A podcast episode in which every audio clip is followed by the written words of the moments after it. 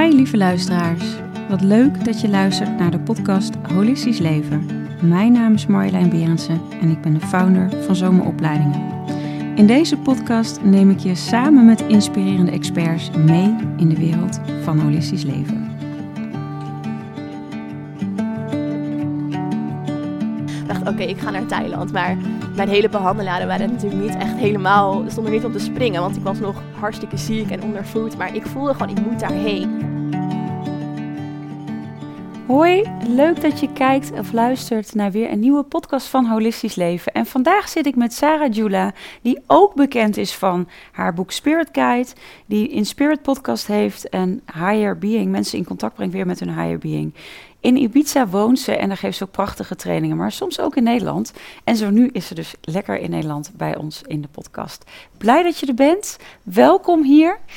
Ehm, ja, ik begin eigenlijk altijd met de vraag: wat is holistisch leven voor jou? En daar uh, wil ik uh, graag mee starten. Ja, nou wat super fijn om hier te zijn.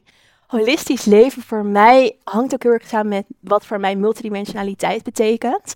En het gaat voor mij over de verschillende aspecten van ons zijn, de verschillende aspecten van wie we zijn en die bij ons horen. Dus het fysieke, het mentale, emotionele, maar ook het spirituele. En voor mij betekent dat eigenlijk vooral dus in contact zijn met je human being. En dus die aspecten die daar, daarbij horen. Dus ja, die ik net eigenlijk noemde. Maar ook met het higher being inderdaad connecten. Dus dat is wel meer dat spirituele en in de andere lagen van ons zijn. En dat, dat maakt wie we zijn. Dat is zeg maar die heelheid van waar we uit bestaan. En ja, dat met elkaar connecten, dat is voor mij echt holistisch leven. Mooi. Ja, en dat is niet altijd zo geweest. Ik ken een beetje je achtergrond. Het is ook wel mooi, denk ik. Uh, ja, we hadden het even in het voorgesprek al over. Zo inspirerend om te zien dat wat je ook meemaakt in je leven, dat je altijd kunt kiezen om ja, vanuit jou.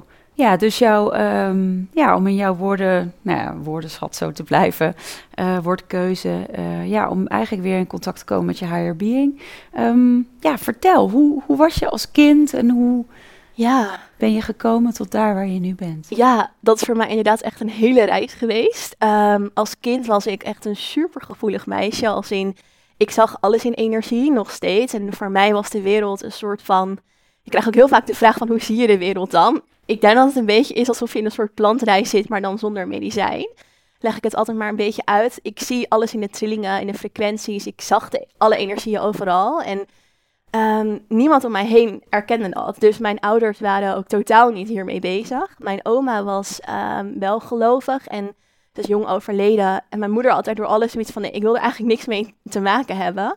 En ik, ja, en, en ik was echt super open en, en, en het struggelen met hoe ga ik hiermee om. Dus ik voelde me daardoor heel onveilig en heel alleen, omdat ik het met niemand kon delen. En omdat ik me gewoon super anders voelde. En wat ik daardoor deed, is ik dacht, oké, ik, ik moet gewoon zo normaal mogelijk proberen te zijn. Dus ik probeerde mezelf zo goed als kon aan te passen. En ik leerde mezelf als het ware een soort ja, manier aan om dan maar het zoveel mogelijk, want het kon niet, maar toch om proberen te onderdrukken in mezelf. Hmm. Om maar normaal te zijn. Alleen daardoor raakte ik zo ver verwijderd eigenlijk van wie ik echt was, dat ik uh, een eetstoornis ontwikkelde. Dus ik heb heel lang anorexia gehad. En dat was voor mij een soort van nieuwe identiteit die ik voor mezelf creëerde. Want mijn eigen identiteit en mijn eigen zijn, dat kon er eigenlijk niet zijn. Um, dus ik had iets anders nodig om aan vast te houden. En dat werd echt mijn eetstoornis. Uh, dus ik heb toen ja, heel lang anorexia gehad. En ja, voor mij was het niet eten en het mezelf daarin zo onderdrukken, was eigenlijk de manier om überhaupt te kunnen overleven. Tegelijkertijd ja, werkte ik mezelf eigenlijk richting de dood. Um, en uh, heb ik ook een bijna doodervaring gehad, twee keer door mijn eetstoornis. En toen uh, lag ik in het ziekenhuis en ik kwam in een soort van andere laag terecht. En in die andere laag waren er dus allemaal energieën bij me die zeiden, maar je bent zo ver van jezelf verwijderd, maar dat zijn wie je bent, dat is echt wie je hier mag zijn. Dat is met een reden en je hebt hier echt daar iets mee te doen. En dat is die samenwerking met je human being en je higher being. En voor mij was het dus eigenlijk heel erg leven vanuit mijn higher being altijd. En dat ook al die lagen zien. Maar omdat ik het heel moeilijk vond om die verbinding te maken, probeerde ik me maar op mijn human being te focussen met mijn eetstoornis. En, en eigenlijk die hele connectie zo goed als, als lukt, een soort van door te snijden en, en weg te stoppen. En toen daar in die andere laag, in die bijna doodervaring, was het voor mij van oké, nee, dit is ja, het was gewoon een, echt een heel duidelijk inzicht voor mij. En ik werd super erg geconfronteerd met, oké, je mag nu uit het leven stappen. Maar dan bereik je niet waar je echt voor gekozen hebt op zielsniveau. En dat weet je. Ik werd daar echt op die manier zo mee geconfronteerd van, je weet het, waarom doe je het niet? En toen dacht ik ook echt bij mezelf, ja, oké, ik, ik, moet dit gaan doen. En, um, Hoe oud was je? Ik denk dat ik toen ongeveer 19 was. Dus heb je ook in, in een kliniek dan opgenomen ja, gezeten? Ja, ja meerdere keren. Ja. Ah, jeetje. Ja, ja, uh, ja, ik was toen 19 en um, ja, toen, toen kwam dus weer eigenlijk weer meer terug in mijn lichaam. En toen begon dat herstelproces nog weer dieper.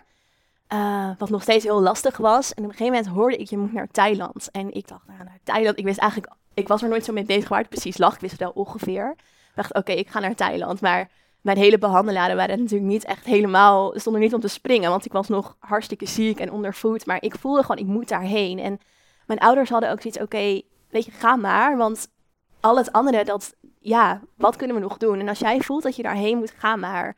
En dat was voor mij echt gewoon een stukje waarin ik zo'n andere energie van mezelf kon toelaten. En zo uit die systemen van hier en het, en het mezelf aanpassen, dat ik daarvoor het eerst gewoon helemaal het open heb gezet, als het ware. En echt letterlijk een soort van verbinding met mezelf uh, weer ervoer. En uh, heel veel mensen op mijn pad kregen die ook zeiden, oh je, ja, weet je, die me wilden helpen. En, uh, en, dat is voor mij wel een heel belangrijk keerpunt geweest. Wauw, want heb je, heb je nog in het bedrijfsleven gewerkt? Of, of, of, of heb je iets, iets rondom wat voor studies? Of ben je um, gewoon hier echt volledig ingedoken? Ja, ik, had, ik deed toen een studie uh, meer uh, tot styling en design. puur omdat ik daar dan nog wel mijn creativiteit in kwijt kon. Um, en eigenlijk heb ik die toen wel afgemaakt, puur nog een beetje voor de vorm. Maar ik voelde dat ik ga er nooit wat, wat mee doen. Nee. Uh, dat, daar moest ik natuurlijk ook mee stoppen door mijn eetstoornis. Dus ik heb hem toen nog uh, versneld afgemaakt. Uh, toen ik terugkwam uit Thailand. En toen ben ik daarna eigenlijk eh, gelijk hier wat mee gaan doen. Ja, dus ik heb nooit in het bedrijfsleven, nee, gewerkt. Oh. En heb je bepaalde opleiding hierin gevolgd? Of waar, hoe, want dit is, ja. Want hoe oud ben je nu? Uh, ehm, 28. Ja, dus, dus dat is, ja, jeetje, acht jaar zeg maar geleden zo'n beetje, toch? Je was twintig zo'n beetje toen je eruit kwam. Ja, ja. ja.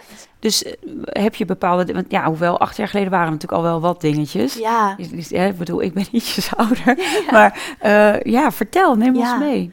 Ja ik, ja, ik ben toen ook heel snel weer teruggegaan naar Thailand om daar langere tijd te zijn. En daar kreeg ik allemaal een soort van mentoren op mijn pad. Dus ik heb wel opleidingen gevolgd, onder andere in Maleisië, in Bali, uh, eigenlijk overal daar losse dingen en, en wat langere dingen gedaan.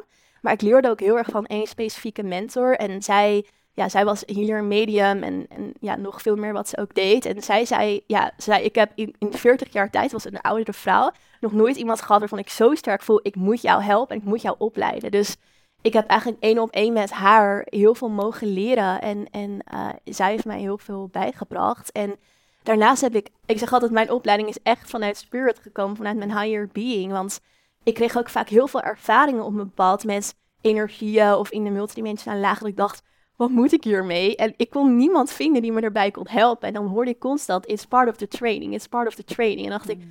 welke training? Waar heb ik me voor opgegeven? En toen besefte ik me, wacht, dit is de training die ik door mag gaan geven. En die ik echt krijg van boven. Hmm. Um, dus daar heb ik eigenlijk vooral mijn opleiding uitgehaald. Ja, mooi. Mooi om dat ook te horen.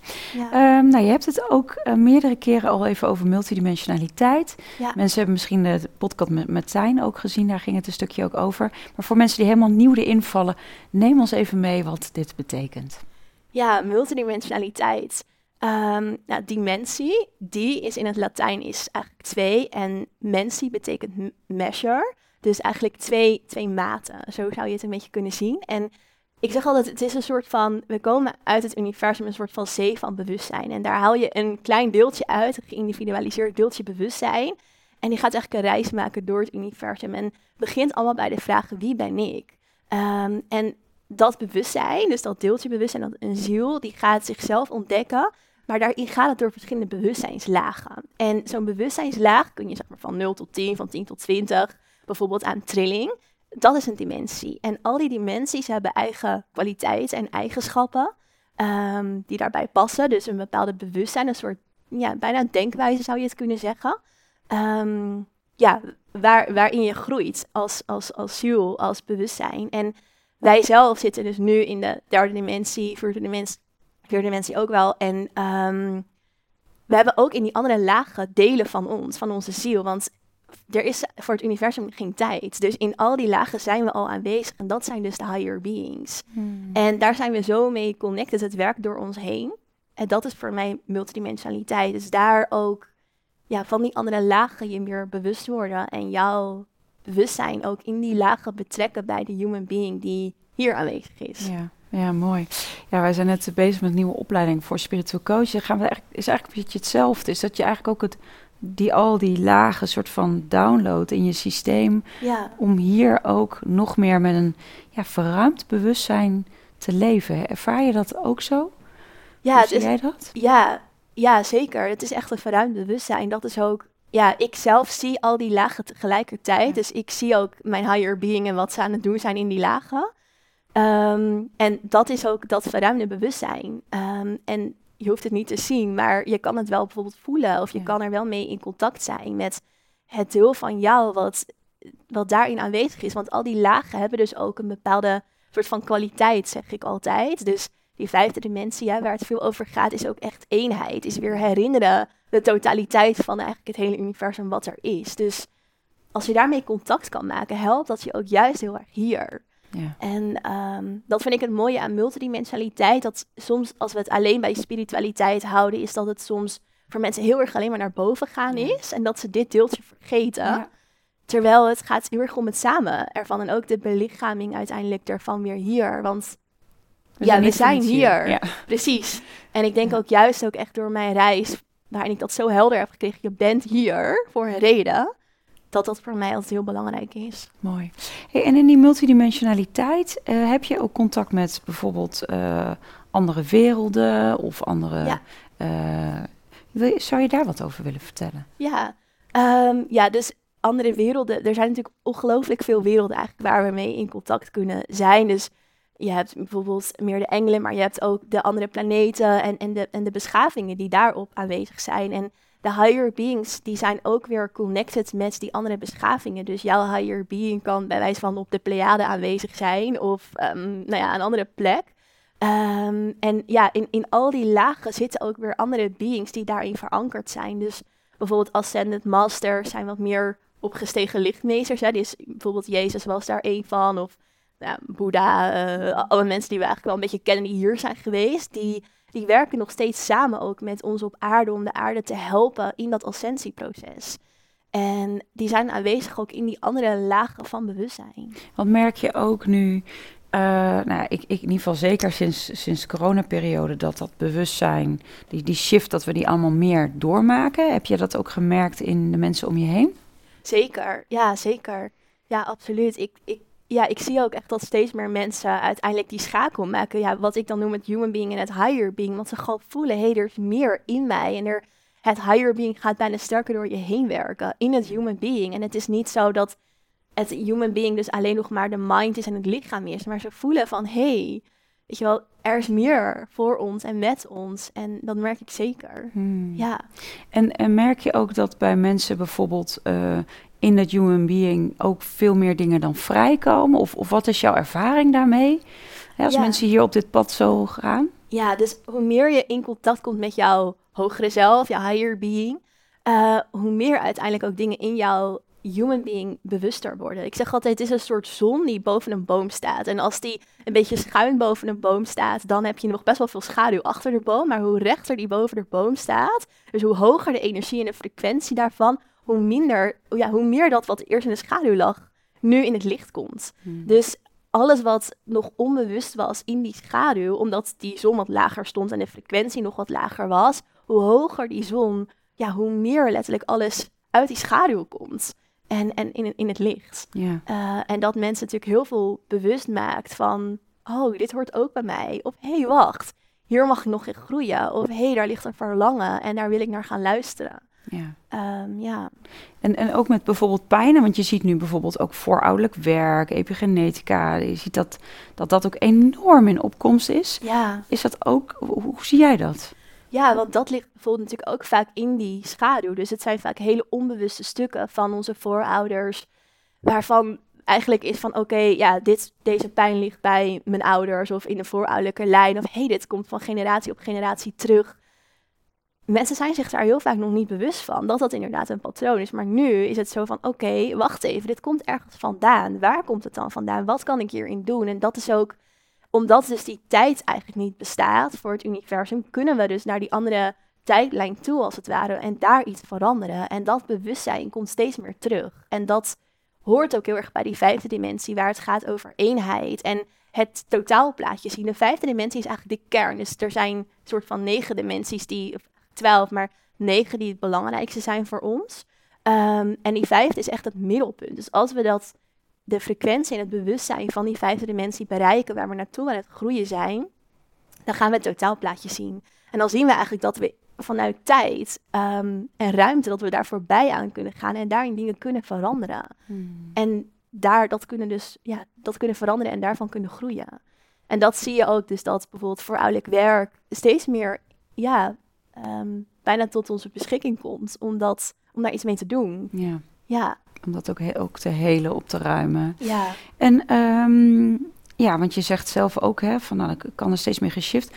Wat is er verder allemaal in jouw leven geshift? Misschien ook concreet om eens mee te nemen in wat merk je dat er allemaal geshift is? Ja, um, nou ja, dat is natuurlijk echt een stukje ook het, het, um, het ja zeggen tegen mezelf en, en alles wat bij mij hoort. En daardoor uh, werd ik eigenlijk gewoon steeds meer gewoon mezelf. Het klinkt misschien heel simpel, maar het is echt wat het is. Dus voor mij, en daardoor viel alles op zijn plek. Dus dat, zag er bijvoorbeeld uit in keuzes maken. Ik heb me nooit thuis gevoeld in Nederland. En ik voelde altijd van, nou, in Nederland, het klopt voor mij niet om hier te wonen. Ehm, dus ik ben ook naar het buitenland verhuisd. Dus ik woon nu op Ibiza dan. Ik heb ook een paar jaar in Thailand nog gewoond. Ja uh, dus dat is bijvoorbeeld een keuze die ik op basis daarvan heb gemaakt. En ook om dus echt andere mensen te helpen hun bewustzijn te verruimen. En ja, helemaal mee te nemen in alles rondom multidimensionaliteit. En uh, ja, ze daarin te helpen. Ehm, ja, wat is er verder geshift? Ik denk dat dat gewoon hele grote dingen voor mij zijn. Dus daar leef ik heel erg voor. Gewoon echt mezelf.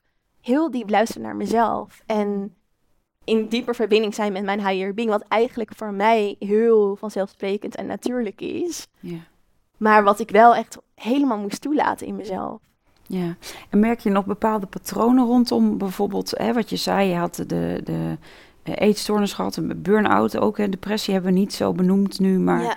Uh, dat, heb ik wel uh, gevonden. Ja. Merk je daar nog bepaalde triggers op? Of, of hoe werkt dat voor jou? Ook mooi om even ja. dat ook wat praktischer te maken van hoe werkt dat? Hoe, werkt, hoe, hoe ervaar jij dat? Ja, dat is wel mooi dat je dat nog aanhaalt van die burn-out en depressie, denk ik. Want voor mij in dat herstelproces na mijn bijna doodervaring was ik ook wel een beetje van oké, ik moet nu iets doen. Dus ik ging heel hard werken om dus het allemaal toe te laten. En ik legde mezelf er heel veel druk op, waardoor ik weer in een soort burn-out kwam. En ook echt met depressie worstelde van, oh, ik heb twaalf jaar van mijn leven weggegooid door een eetstoornis. En tegelijkertijd vond ik het heel moeilijk om wel alles toe te laten van mijn bewustzijn. Dus het was, ik had wel die ervaring gehad en ik heb er volledig ja tegen gezegd. Maar dat maakte wel dat ik echt een zoektocht door moest van, hoe ga ik mezelf dan zijn in een wereld die totaal niet op deze manier nog werkt. En als je alles ziet, ik woon nu echt op een berg in Ibiza met heel weinig prikkels. dus dat is heel fijn. En ik kan het heel goed hier. Maar niet, ik zou hier niet uh, het hele jaar willen zijn. Dus ik moest leren naar, om op zoek te gaan naar manieren die voor mij werkten. En niet omdat het mijn zwakte is, het is juist mijn kracht. Maar echt, um, wat heb ik nodig? Wat werkt voor mij? Dat was wel echt het, heel belangrijk daarin. Hmm. En ehm, ja, of ik daar nu nog patronen van merk, eigenlijk helemaal niet. En hmm. Er zijn heel veel artsen die tegen mij hebben gezegd: je kan nooit meer herstellen. Ehm, ja, dat, dat, uh, ja, dat is wat ik continu te horen kreeg. Met zo'n heftige eetstoornis kom je daar niet meer uit. Maar ik heb er echt, echt, echt nul. Echt uh, totaal helemaal niks meer. Hoe is je relatie met eten? Zie je, zie je daar, kan je daar nog iets in, in zien? Ja, um, ja, gewoon echt heel normaal. Echt heel goed. Ja, ja, ja. ja. Ja, het is gewoon mooi. Ik, de reden dat ik het zeg is omdat het natuurlijk ook bij veel vrouwen natuurlijk speelt. We hebben ook veel mensen bij, uh, uh, nou toch ook wel studenten in de opleiding zitten die met anorexia zo te maken hebben gehad. Ja. En wat toch nog wel een taboe ophangt. Dus ik vind het ook mooi dat het wat uit het verdomhoekje komt. Ja. Om daar ook aandacht aan te besteden en ook nou, vanuit jou te horen: hé hey joh, ik heb daar gewoon helemaal geen triggers meer op. Nee Het voelt gewoon dat het vooral dus ging over mijn contact met die higher being. Dat echt ook zien van nou ja, wat je te doen hebt. En dat je dat ook weer zo kon loslaten. Ja, ja het kan echt. Ja, Hmm. ik, ik kan me ook heel goed voorstellen dat mensen dat soms... je- als je er zo diep in zit, kan je dat bijna niet meer zien of geloven. Omdat het zoiets heftigs is om... Ja, een eetstoornis is wel echt gewoon heel zwaar. Ehm, maar ja, het kan echt. Ja. Ja, Ah, mooi. Hey, en ehm, jij zei daar straks ook heel mooi in het ziekenhuisbed dat je natuurlijk die stem zo hoorde en dat je zo geholpen werd. Ehm, je hebt ook denk ik een, een, een- ja, een soort spirit guide, spirit team om je heen. zeker. Wil je daar wat over vertellen? Dus Ja, mensen denken ook wel iets van denken, oh, hoe zit dat? Ja. ja, we hebben dus eigenlijk altijd... Iedereen heeft een spirit team. Ehm, en dat spirit team bestaat uit verschillende spirits, zeg ik altijd. Dus je hebt met je je hoofdgidsen, je hoofdspirits. En zij zijn er echt om jou te helpen op je pad te blijven. Dus we hebben allemaal een zielsmissie. Allemaal kiezen we bepaalde lessen of een richting eigenlijk voor deze incarnatie. En ehm, onze hoofdgidsen zijn er echt om jou te helpen. Want je bent hem natuurlijk vergeten. We gaan altijd door de, de douche van vergetelheid eigenlijk. Omdat we daarmee de human experience kunnen ervaren. Dus ehm, als we het allemaal zouden weten, dan is het een soort van... Dan zijn we ook wel zo van, oké, dit is het doel. Hup, we gaan er naartoe. En we vergeten eigenlijk het leven. Of we kunnen het Ja. leven niet ervaren. Dus het heeft ook een reden dat we dat hier in deze dimensie... Ja, niet helemaal overzien, zeg maar. Ja. Maar onze hoofdgidsen zijn er echt om jou op het pad te houden. En Het pad wat je eigenlijk dus al ja, wat je uitgestippeld hebt. uitgekozen hebt. En daar zitten ook dan, voordat je hier op aarde komt, lessen bij eh, die je moet gaan leren om nou, misschien nog wat trauma's af te leggen van Ja. vorige leven. Zie ik dat? eh, ja, ja hè? bijvoorbeeld. Ja, ja zeker. En ehm, dat draagt ook altijd bij uiteindelijk aan die zielsmissie. Dus bijvoorbeeld bij mij was het... ehm, ik had bijvoorbeeld kunnen incarneren in een gezin wat super spiritueel was... en wat me helemaal daarin had meegenomen. Maar dan had ik een heel ander pad bewandeld dan het Ja. pad wat ik nu heb bewandeld. Dus voor mij was, het, was dit... Het is altijd goed zoals het is natuurlijk. Maar dit was het pad, omdat ik juist door mezelf helemaal kwijt te raken... en eh, heel erg heb moeten leren dit weer terug te halen, ik mensen er juist ook heel goed mee kan begeleiden. In plaats van dat ik opgegroeid zou zijn in een heel spiritueel gezin en het mag er allemaal zijn. En, en eh, net meer zou zien van ik, kan, ik herken de andere kant niet hoe het is om het dicht te zetten in Ja. jezelf, zeg maar. Ja. Ja. Dus de hoofdgidsen helpen ons om uiteindelijk dus dat pad wel echt ja, on track te blijven. Ja. En we hebben altijd een vrije wil. Dus het kan zijn dat je, ehm, stel, ik had echt een hele sterke vrije wil gehad. Die zei, nee, maar ik ga hier echt niks mee doen. Ik wil het gewoon niet. Dan zouden er waarschijnlijk allerlei situaties in mijn leven komen om me toch op dat pad te bewegen. Maar dan nog heb je altijd een vrije wil om dan te denken, nee, ik ga toch niet. Toch niet? Ja, dus dat, eh, maar daar zijn dus echt de hoofdgidsen voor. We hebben beschermgidsen, dus die beschermen ons gewoon echt in het leven. Ehm, en ik zeg altijd, jij hebt echt bepaalde lopers. Je kan hun aan het, aan, letterlijk te lopen zetten, aan het werk zetten van, oké, ga maar. Ga maar, eh, ik, ik wil dit of ik wil dat. Die kun je wat meer inzetten voor echt hele specifieke taken. Mhm. En ehm, nou, dan heb je daarnaast nog veel meer. Je hebt bijvoorbeeld lichtgenezers, velddragers. ehm, ja, allerlei andere specifiekere gidsen nog. Ja, die ook weer afhankelijk zijn van je missie hier.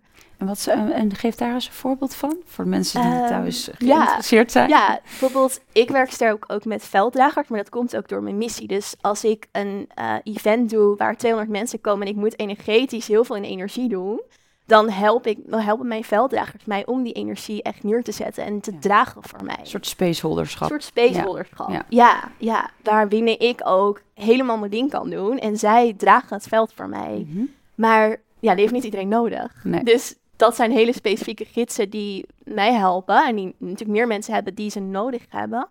Ehm, En de licht... eh, lichtgenezers. genezers, Ja, dus die kun je s'avonds aanzetten voordat je gaat slapen. En zij helpen je echt bij genezing. Dus Mm. Ehm, dat kan genezing zijn in het hele holistische spectrum, dus fysiek, mentaal, emotioneel of, of meer energetisch, spiritueel. Ehm, ja, daar kun je echt om vragen van, hé, hey, ik wil bijvoorbeeld nu deze emoties eh, loslaten of ik wil mijn fysieke pijn wil ik eh, helen, dan helpen ze je daarbij.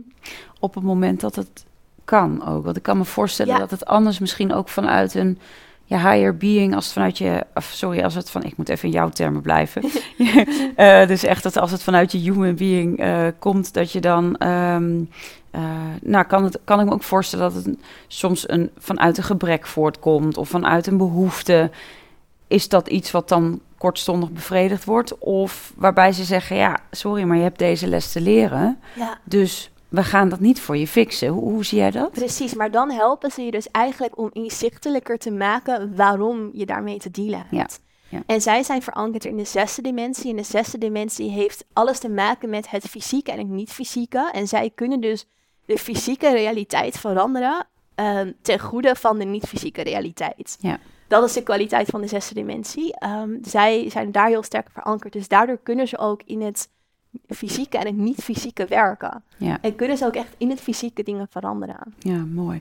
En je noemde al even, hè, de vijfde dimensie is eigenlijk een van de belangrijkste dimensies. De zesde dimensie wordt nu even genoemd. Ja. Misschien mooi, want je noemde ze negen. Je zei eigenlijk de, de twaalf zijn er natuurlijk. De dertiende is dan de bron, hè? Ja, Ehm, vertel eens, wat, die, die zesde, de zevende, wil je wat over vertellen over die Ja, zeker. Ja, wil je ze allemaal horen? ja wel leuk toch? Voor mensen Ja? thuis ook. eh, Ja? ja. Oké, ehm, nou ja, dus eh, de, de zesde is dus dat, dat ehm, fysieke, niet Ja. fysiek om het zo maar te zeggen. De zevende dimensie is eigenlijk de dimensie van verlichting. Mhm. Dit is de dimensie waarin we alles van de eerste tot en met de zevende eigenlijk eigen maken. Waarin we alle universele wetten die daarbij horen, ehm, ja, letterlijk in ons, in, in ons belichamen als het ware. Mhm. Want elke dimensie heeft dus bepaalde universele wetten, als het ware. Dus de vijfde dimensie, die wet van de eenheid, van echt onvoorwaardelijke liefde, als je dat belichaamt.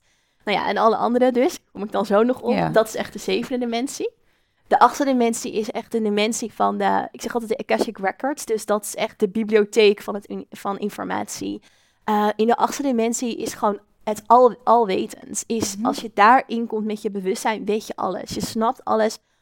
Elke emotie, elke gedachte, ooit door iedereen gedacht, in alle planeten, op elke plek. Het, het energie kan niet vernietigd worden. Het kan alleen van vorm veranderen. Mhm. Maar alle energie blijft in de informatie, in de kwantum bestaan. En dat is de achtste dimensie. Mooi. En dan hebben we... En dan hebben we de negende dimensie. De negende dimensie is echt de void. De negende dimensie is ehm, de nothingness en tegelijkertijd alles tegelijkertijd. En eigenlijk moet ik daarvoor eerst de eerste dimensie uitleggen. Ja, want de eerste twee hebben we overgeslagen eigenlijk. Ja. De eerste dimensie is echt de dimensie van wie ben ik? Maar dus, dus het is eigenlijk een soort gedachte, een creatie met de vraag wie ben ik? Want dat is wat het bewustzijn wil leren kennen. Het bewustzijn wil zichzelf leren kennen. En daardoor, dat doet het eigenlijk door ons. Door Mhm. elk levend being, maar een steen is ook een levend being, ehm, te ervaren. Want dat alles is een ervaring en is een expressie van het wie ben ik. ja, dus in de eerste dimensie is dit een steen.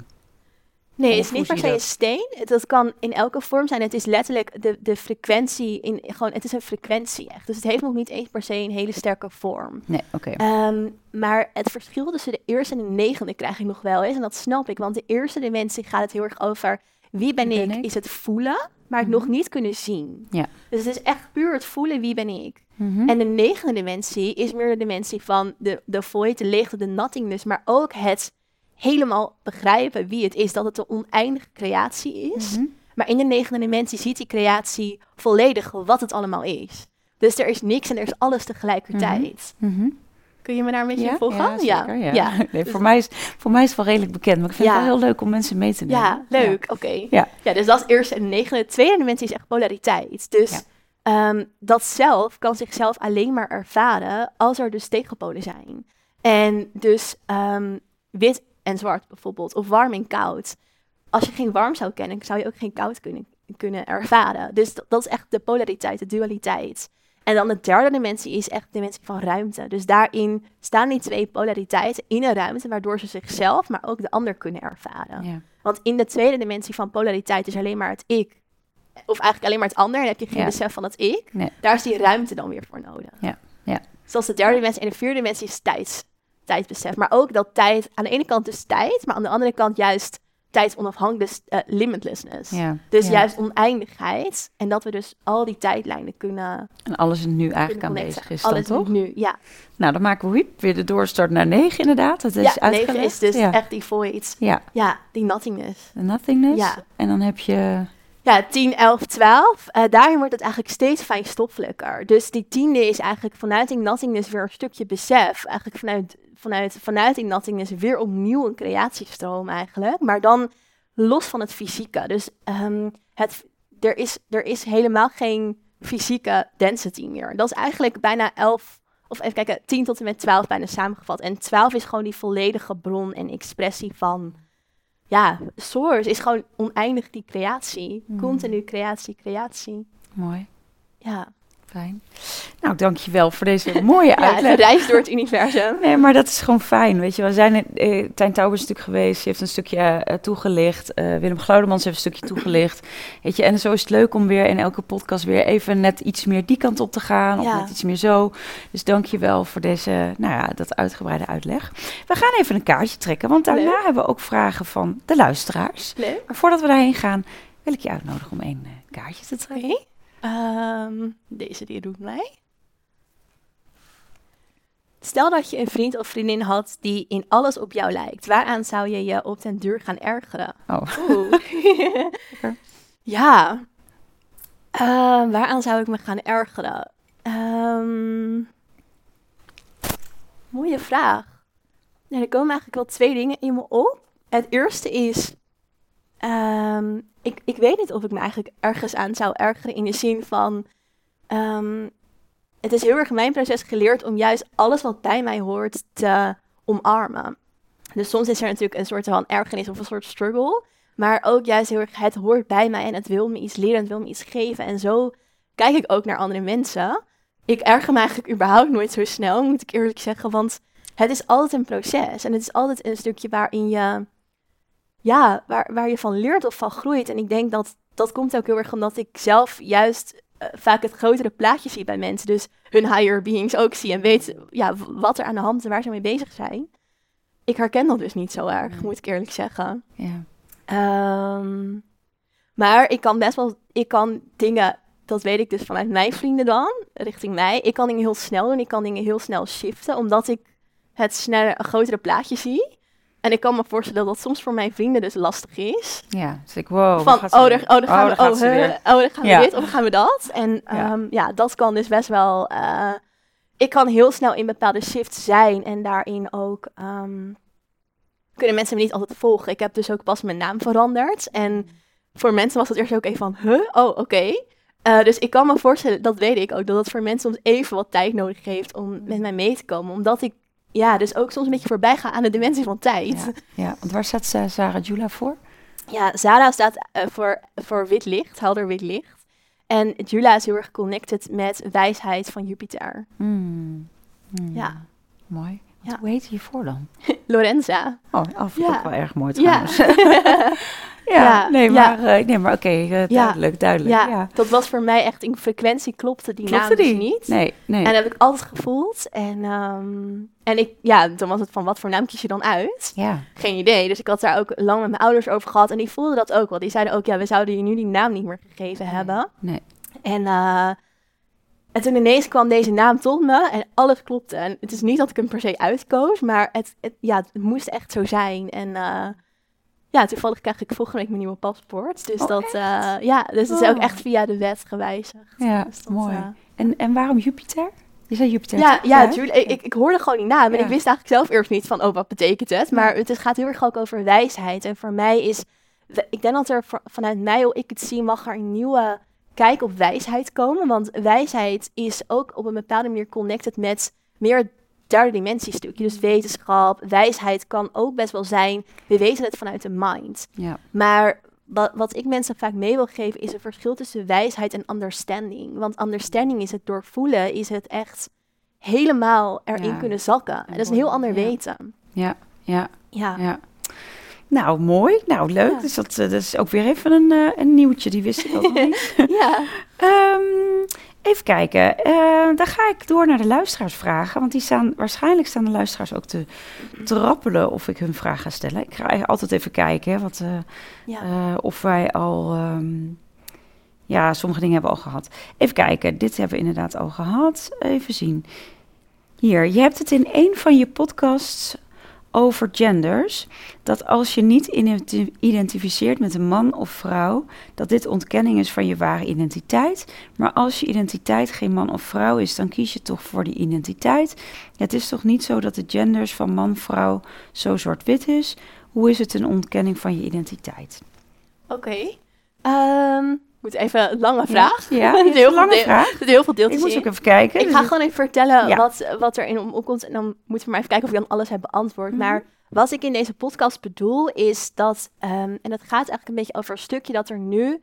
best wel veel met gender gebeurt bij jonge kinderen. Ja. Dus een stukje dat, dat er eigenlijk bijna aangemoedigd wordt bij kinderen... dat er op een bepaalde manier een stukje... dat ze over hun gender gaan nadenken en gaan twijfelen. Mhm. En ik denk dat daarin een stukje belangrijk is. En het, gaat meer over het bewustzijn van je identiteit. Dus het is niet erg of je nou eh, een man bent, vrouw bent, eh, biseksueel of nou ja, alle vormen die daarin zijn. Het gaat erom dat een identiteit belangrijk voor ons is. En wat je vaak ziet in het spirituele is dat we op een bepaalde manier voorbij willen gaan aan die identiteit, voorbij willen gaan aan de mind. Maar het stukje identiteit is ook de frequentie die jij hier belichaamt. En dat past dus wel heel erg bij je human being. Mm. Dus dat is hoe ik het zie en waar het over gaat, is dat het heel belangrijk is om je human being niet kwijt te raken en die identiteit die je daarmee hebt. Dus als jij je identificeert met man of vrouw of maakt niet uit met wat, dan is het belangrijk dat je überhaupt een stukje identificatie hebt omdat je daarin sterker verankerd bent in jouw human being. En vanuit daar juist eigenlijk veel makkelijker contact kan maken met de higher beings en alle andere lagen die er zijn. Nou ja, dit is, eh, dit is mooi. Ehm, even kijken. Ik heb wel eens gehoord van mensen dat entiteiten zielen naar het licht brengen niet zomaar kan. Dat je allemaal verschillende handelingen moet doen hiervoor. Klopt dit en hoe doe je dit dan? Ja, Ehm, dat hangt echt heel erg af van de identiteit en van de energie. Ehm ja, bijvoorbeeld wat vaak mensen ervaren zijn eerder de dolende zielen. Dit zijn zielen die op zoek zijn naar licht en die eigenlijk een beetje de weg kwijt zijn, zeg ik altijd. En zij zijn op zoek naar licht en hebben op een bepaalde manier eigenlijk een soort van afkeer gedaan tegen het licht. Dus gezegd van, nou, ik wil er niet naartoe, of ik wil er wel, of ze, we- ze weten het eigenlijk niet meer zo goed. Wat zij vaak nodig hebben is een stukje toestemming. Dat jij of dat er een being of een point van bewustzijn zegt, ga maar naar dat licht. Zo simpel kan het zijn. En dan gaat deze dodende ziel soms weg. Maar als we het hebben over entiteiten en een wat zwaardere zielen, is er soms iets anders nodig. Maar dat is heel afhankelijk van de energie waar je mee te maken hebt. Eh, bestaat er ook een slechte dimensie met donkere energie of is alles in het universum licht en liefde? Ja, ik hou altijd van deze vraag. Ehm, want hoe ik het zie is, de onderwereld bestaat, maar hij bestaat ook niet. Want we hebben die polariteit nodig van licht en donker. En als we het kijken vanuit een multidimensionaal perspectief en een perspectief vanuit creatie en de bron, dan is ook dat donker een expressie van het zelf. Is het ook een expressie van wie ben ik? Want het is niet alleen maar dat wie ben ik licht is. Ja, dat is het wel in liefde, in de hoogste frequentie, in, in die oneindige creatie. Maar het gaat over die creatie. Over elke vorm van expressie die daaruit kan komen. En het donker helpt ons ook juist om op ons pad te komen. En dan is dat meer, ja, even een voorbeeldje vanuit bijvoorbeeld de crisissen die we op ons pad kunnen krijgen. Die helpen je, net als mijn crisis eigenlijk, help, helpen je om naar het licht te komen. En dat doen eigenlijk op een bepaalde manier donkere energieën ook. Dus ja, ze bestaan in, in andere lagen. We hebben er eigenlijk alleen mee te maken, want als we resoneren daarmee in frequentie, of als we toch een stukje van ons dat op een bepaalde manier aantrekt of zich ervoor opent, omdat je er misschien lessen uit te leren hebt of, of wat dan ook. Ehm, maar het wil je eigenlijk iets geven of het helpt ons om ook in die polariteit te kunnen zijn en daarmee het grotere geheel te kunnen ervaren. Vol- Christina van Drijen noemt dat zo mooi, eh, het onlicht. Hè? Ja, Zij zegt niet het eh, donker, echt, maar zegt echt zo Hmm. mooi het onlicht. Vond ik wel heel oh, mooi. mooi. Ja. Eh, wie was jouw superheld als kind? Is even een andere vraag. Wie was mijn superheld als kind? Ehm, nou, ik, ik weet het eigenlijk niet eens meer zo goed. Ik, volgens mij keek ik wel echt naar Disney-films en, en ja, meer dat. Ehm, maar ik had niet echt een hele duidelijke superheld. Helaas, dus voor degene die dit vroeg, eh, Ja, even kijken. Eh, welke informatie kan je halen uit die diverse dimensies? Nou, je hebt natuurlijk wel iets verteld, bijvoorbeeld over Akasha-chronieken, hè, maar is er iets waar je, waar je hier nog iets aan wilt toevoegen? Ehm, ja, welke informatie je uit andere dimensies kan halen.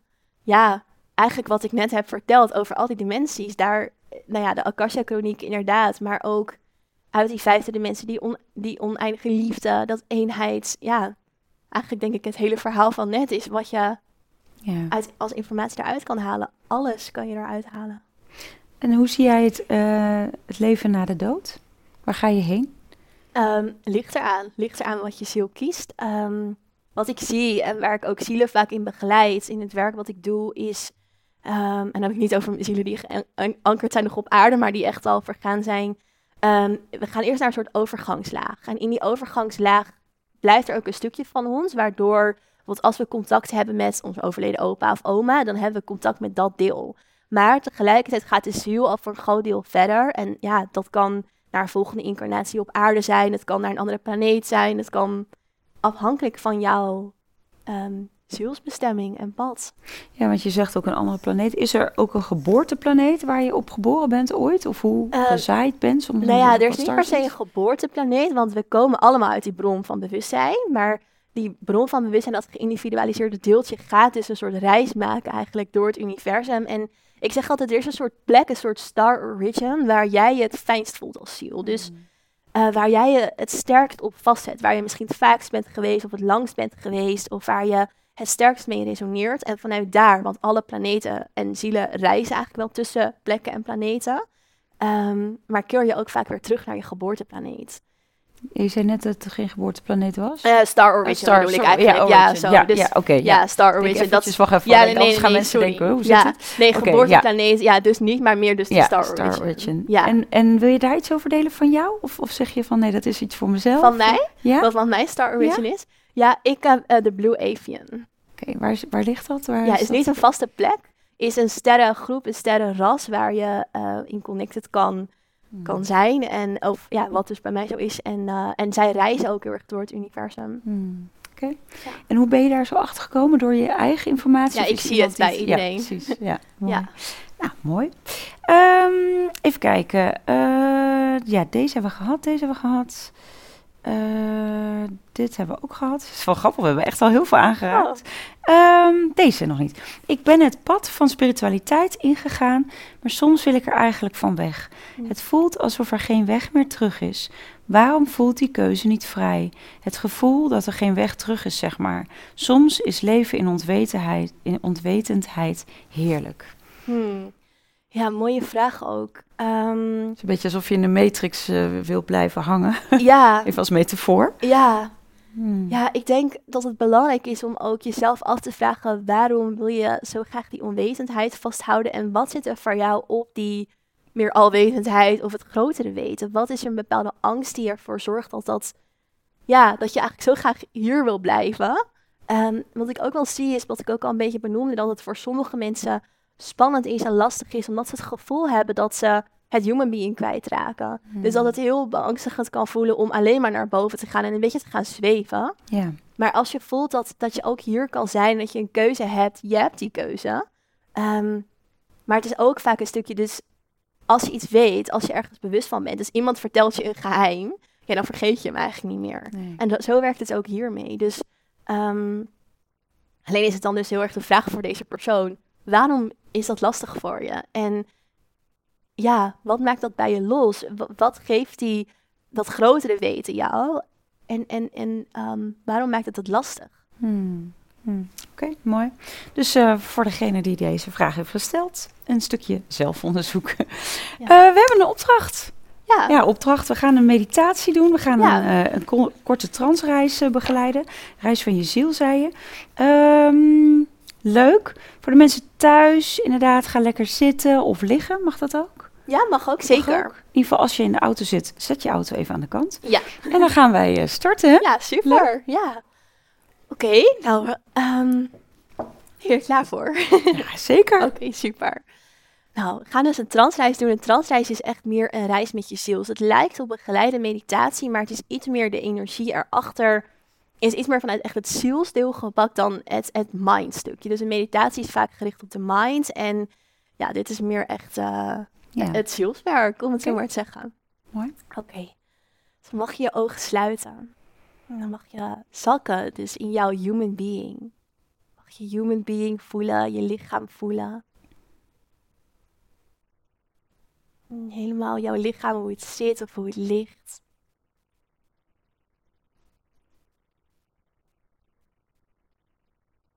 En dan mag je een keer diep inademen door je neus. En uit door je mond. Ook weer in door je mond. En uit door je neus. Adem nog een keer in door je neus. En uit door je mond. Adem nog een keer in door je mond. En uit door je neus. Adem nog een keer in door je neus. En uit door je mond. In door je mond. En uit door je neus. Heel goed. Dan laat je de focus op de adem los. En dan zak je in je onderbuik. En in je onderbuik zit een energiepunt. En ik noem dat altijd de seed of the soul. Het punt zit een beetje onder je navel, als een soort balletje van energie. Misschien vind je het fijn om je handen op dat punt te leggen onder je navel. En dan verken je dat balletje van energie in jou. Het heeft een bepaalde kleur, een bepaalde trilling en frequentie. En hoe voelt de authenticiteit van die seed of the soul? Want het is deze energie die heel eigen is. Die helemaal vanuit jouw hogere bewustzijn komt en die jij hier in je human being met je meedraagt.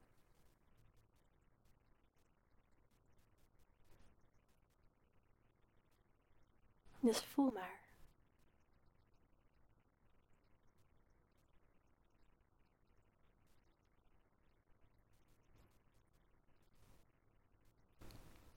Vanuit dat balletje visualiseer je dan een rechte lijn omhoog.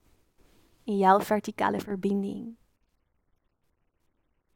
Een lijn die helemaal door jou heen stroomt en vanuit je kruin omhoog gaat door het universum heen.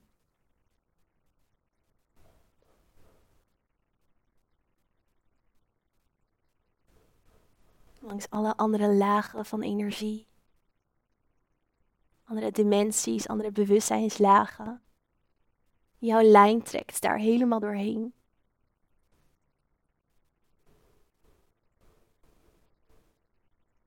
En dan ergens daarboven is een hele hoge laag. Een laag met een hele hoge energie, een hele hoge frequentie. Ga daar maar naartoe.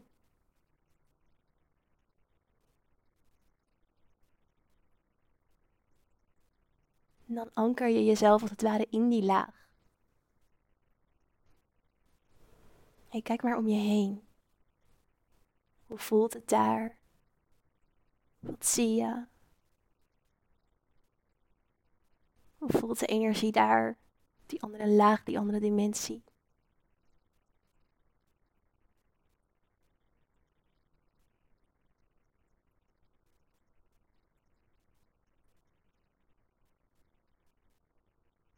En dan mag je je voorstellen dat je daar zelf staat. En dat je in jouw handen, als het ware, een bol van energie vast hebt.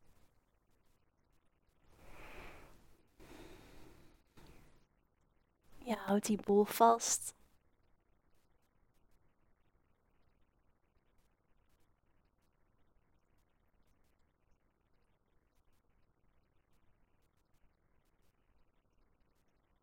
En je kijkt in die bol en je ziet daar eigenlijk weer die energie van de Seed of the Soul. Diezelfde kleur, diezelfde frequentie. Nu heb je hem vast. En wat die bol doet, is het trekt eigenlijk al jouw higher beings daar naartoe. Dus je mag ook al jouw higher beings daar uitnodigen. Het is de higher beings vanuit al die andere lagen.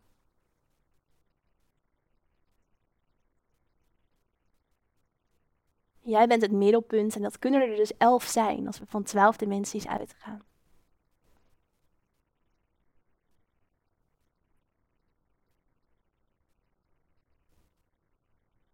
Misschien kan je voelen dat er elf beings om jou heen staan. Misschien zie je ze wel. Of is het gewoon een innerlijk weten? Want we hebben allemaal een eigen manier van contact maken. Je hoeft het niet te zien. Misschien voel je het, weet je het, of hoor je het.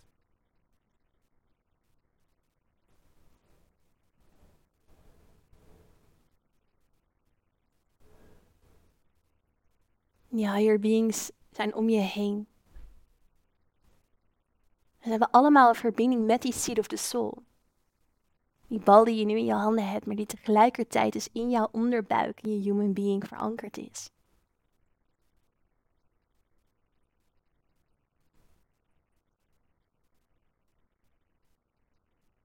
En hoe voelt het om die higher beings om je heen te hebben?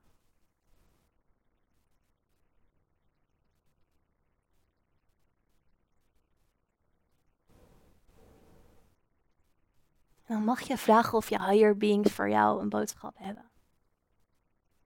Of er iets is vanuit die andere lagen van bewustzijn. Wat ze in jou bewust willen doorgeven aan je human being.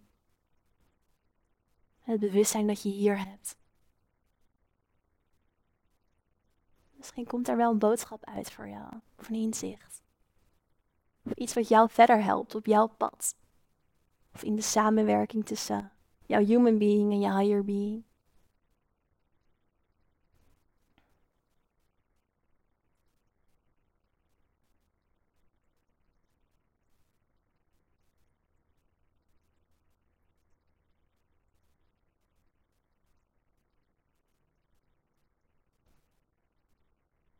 En ontvang maar.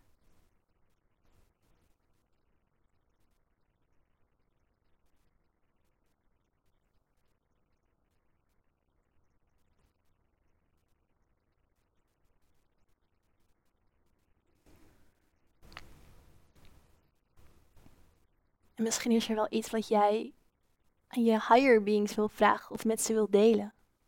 En dat kan bijvoorbeeld zijn een soort intentie van werk maar door me heen, help me maar. Of vraag ze om wat meer bij jou een soort van betrokken te zijn in je waarneming, zodat je ze sterker kan voelen.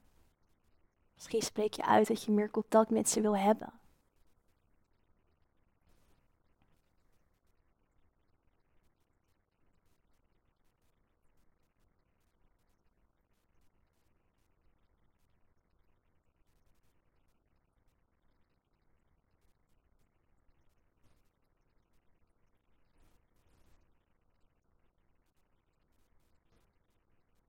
En als je dat gedaan hebt, dan mag je ze bedanken. Bedanken voor hun aanwezigheid. Ook al zijn ze altijd aanwezig.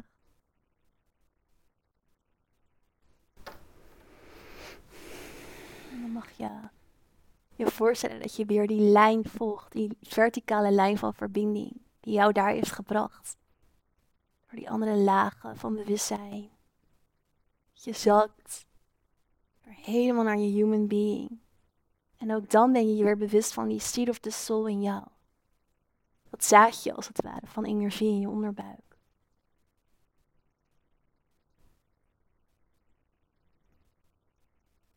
Je voelt ook je adem. En adem naar die seed of the soul toe.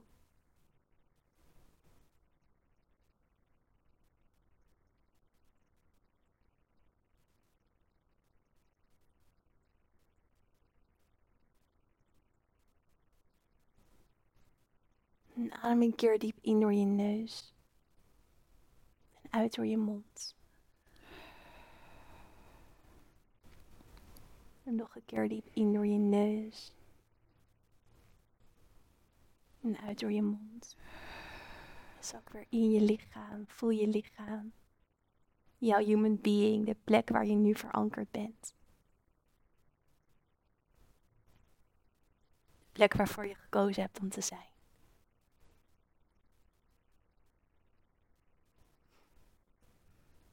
En dan mag je je ogen weer openen.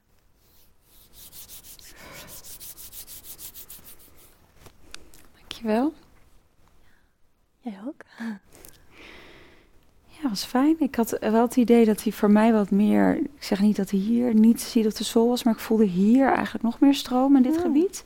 Dus vandaar dat ik zoiets had van... nou, ik sta mezelf ook toe om gewoon lekker hier mijn hand op te leggen... Ja, dat is ook helemaal en die door te stromen.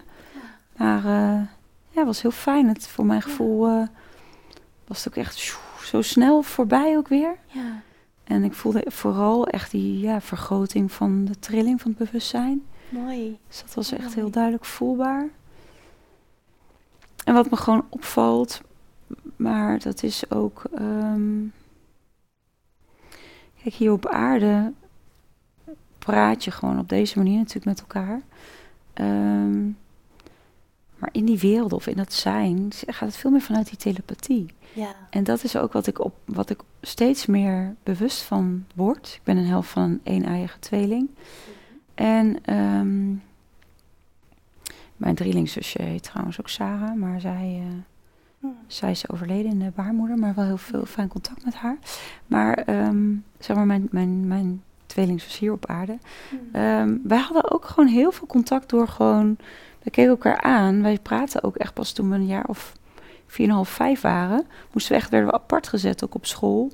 Om te leren praten. Omdat we elkaar Ja. aankeken. We hadden ons eigen taaltje. Ja. En dat ze dachten: oh god, wat gaat die tweeling nou weer doen?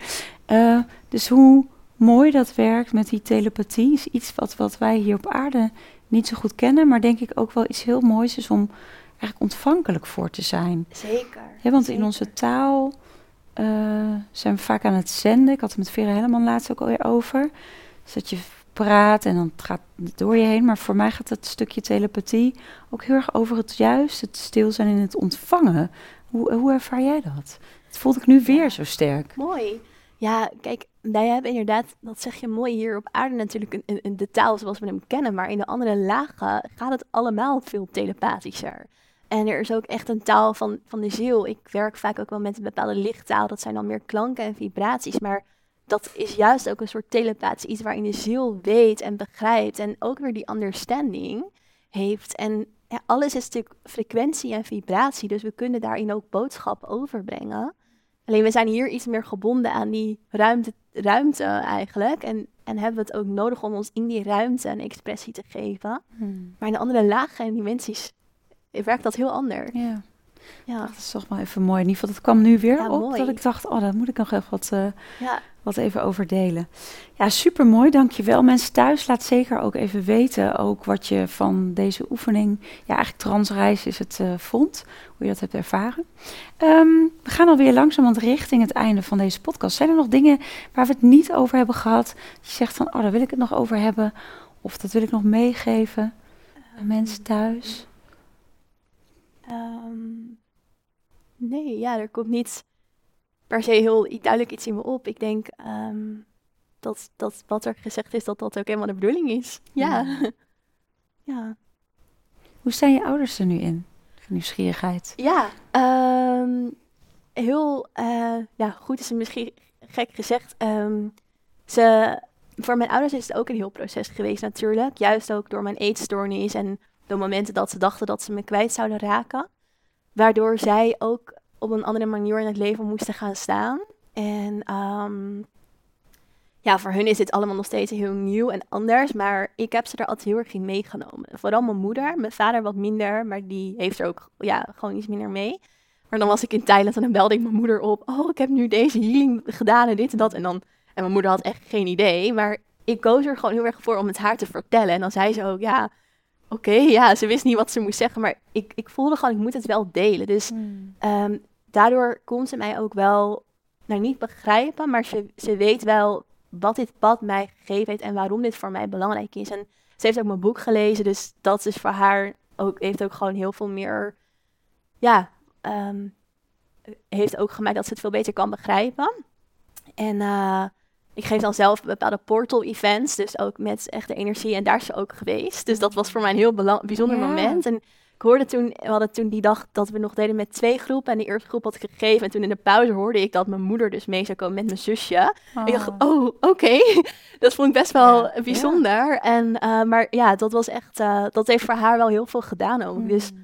Ik merk ook dat zij, als het dan gaat hè, over dat bewustzijnsverruimen en ontwikkeling, dat ook zij, mijn moeder en mijn zusje vooral daarin, ehm, Hmm. ook heel erg in meegaan. En, en ze supporten me in alles. En dat hebben ze altijd gedaan. En eh, ondanks dat ze er zelf, dat ze het niet bijna kunnen begrijpen.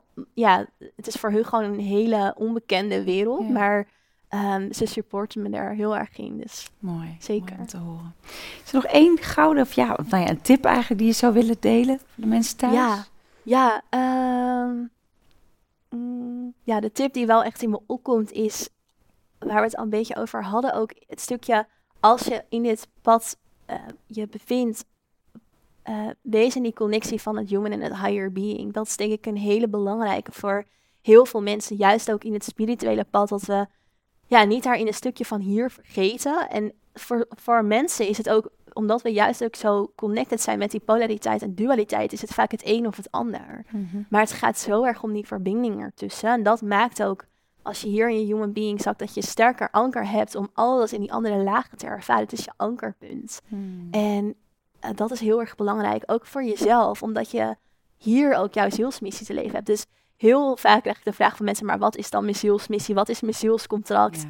Eentje kan ik al delen en dat is mens zijn, want daar heb je voor gekozen. Human zijn is iets wat we allemaal gemeen hebben, wat in ieder zielscontract staat. En daarmee ben je er nog niet. Tuurlijk zijn het specifiekere dingen, maar dat is al één ding. En dat is het ding wat we misschien wel het snelst vergeten. Want we zijn zo op zoek naar die zielsmissie en zoeken, zoeken, zoeken. Ja. Terwijl eigenlijk, we zitten al in een stukje vinden in ons human being. Want het gaat om die human experience. Dat is een expressie van het zelf. Dat is een expressie en een antwoord op de vraag wie ben ik? Ik ben Ja. human. Maar wat houdt het dan in om Ja. human te zijn? Ja. En dat is ook wat ik zelf heel erg heb moeten leren. Dus joy en speelsheid. En ook in deze laag, in deze dimensie, die soms heel anders is en kan voelen dan de joy en de liefde in de andere lagen en dimensies. Die veel mensen ook zich in zichzelf kunnen herinneren. Hmm. Dus dan hebben ze een gevoel van heimwee of hey, de, de, de, de dimensie daar of op de Pleiade waar ik eh, liefde Ja. en joy ken. Dat is heel anders dan hier. Ja.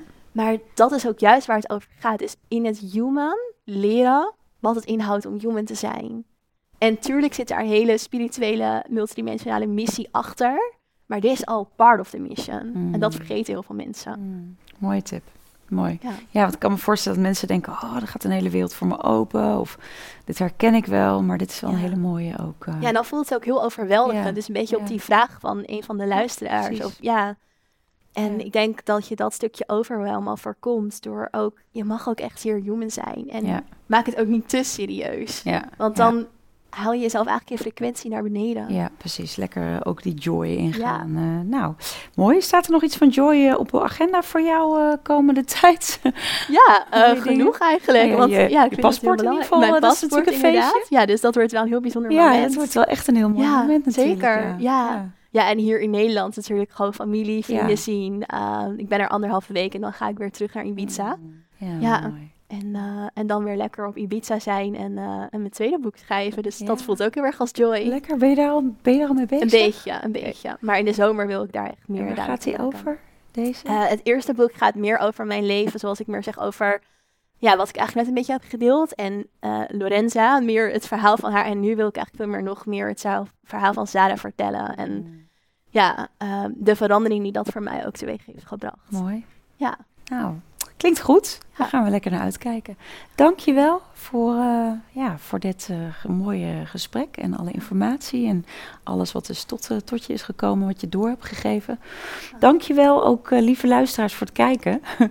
en laat even weten wat je van deze podcast vond. En deel het met je vrienden, mensen om je heen. En super fijn dat jullie zo supporten.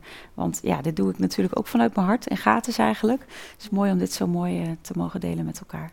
Dankjewel. Ja, jij ook heel erg bedankt. Ik vond het heel fijn om hier te zijn. En uh, ja, dit met jou en alle luisteraars. Dankjewel voor het luisteren naar de podcast Holistisch Leven. Holistisch Leven is een prachtige ontdekkingsreis. We reiken je graag de tools en kennis aan om je in deze reis te begeleiden. Ben jij door deze podcast geïnspireerd om de volgende stap richting een holistisch leven te zetten? Kijk dan op onze website www.zoma-opleidingen.nl voor meer informatie over de cursussen en opleidingen die we aanbieden. Je kunt je daar ook inschrijven voor onze nieuwsbrief. En vind je deze podcast leuk? Volg ons dan via je favoriete podcast-app of abonneer je op ons YouTube-kanaal. Zo verspreiden wij samen meer licht, liefde en bewustwording. En maken we de wereld een stukje mooier. Tot volgende week!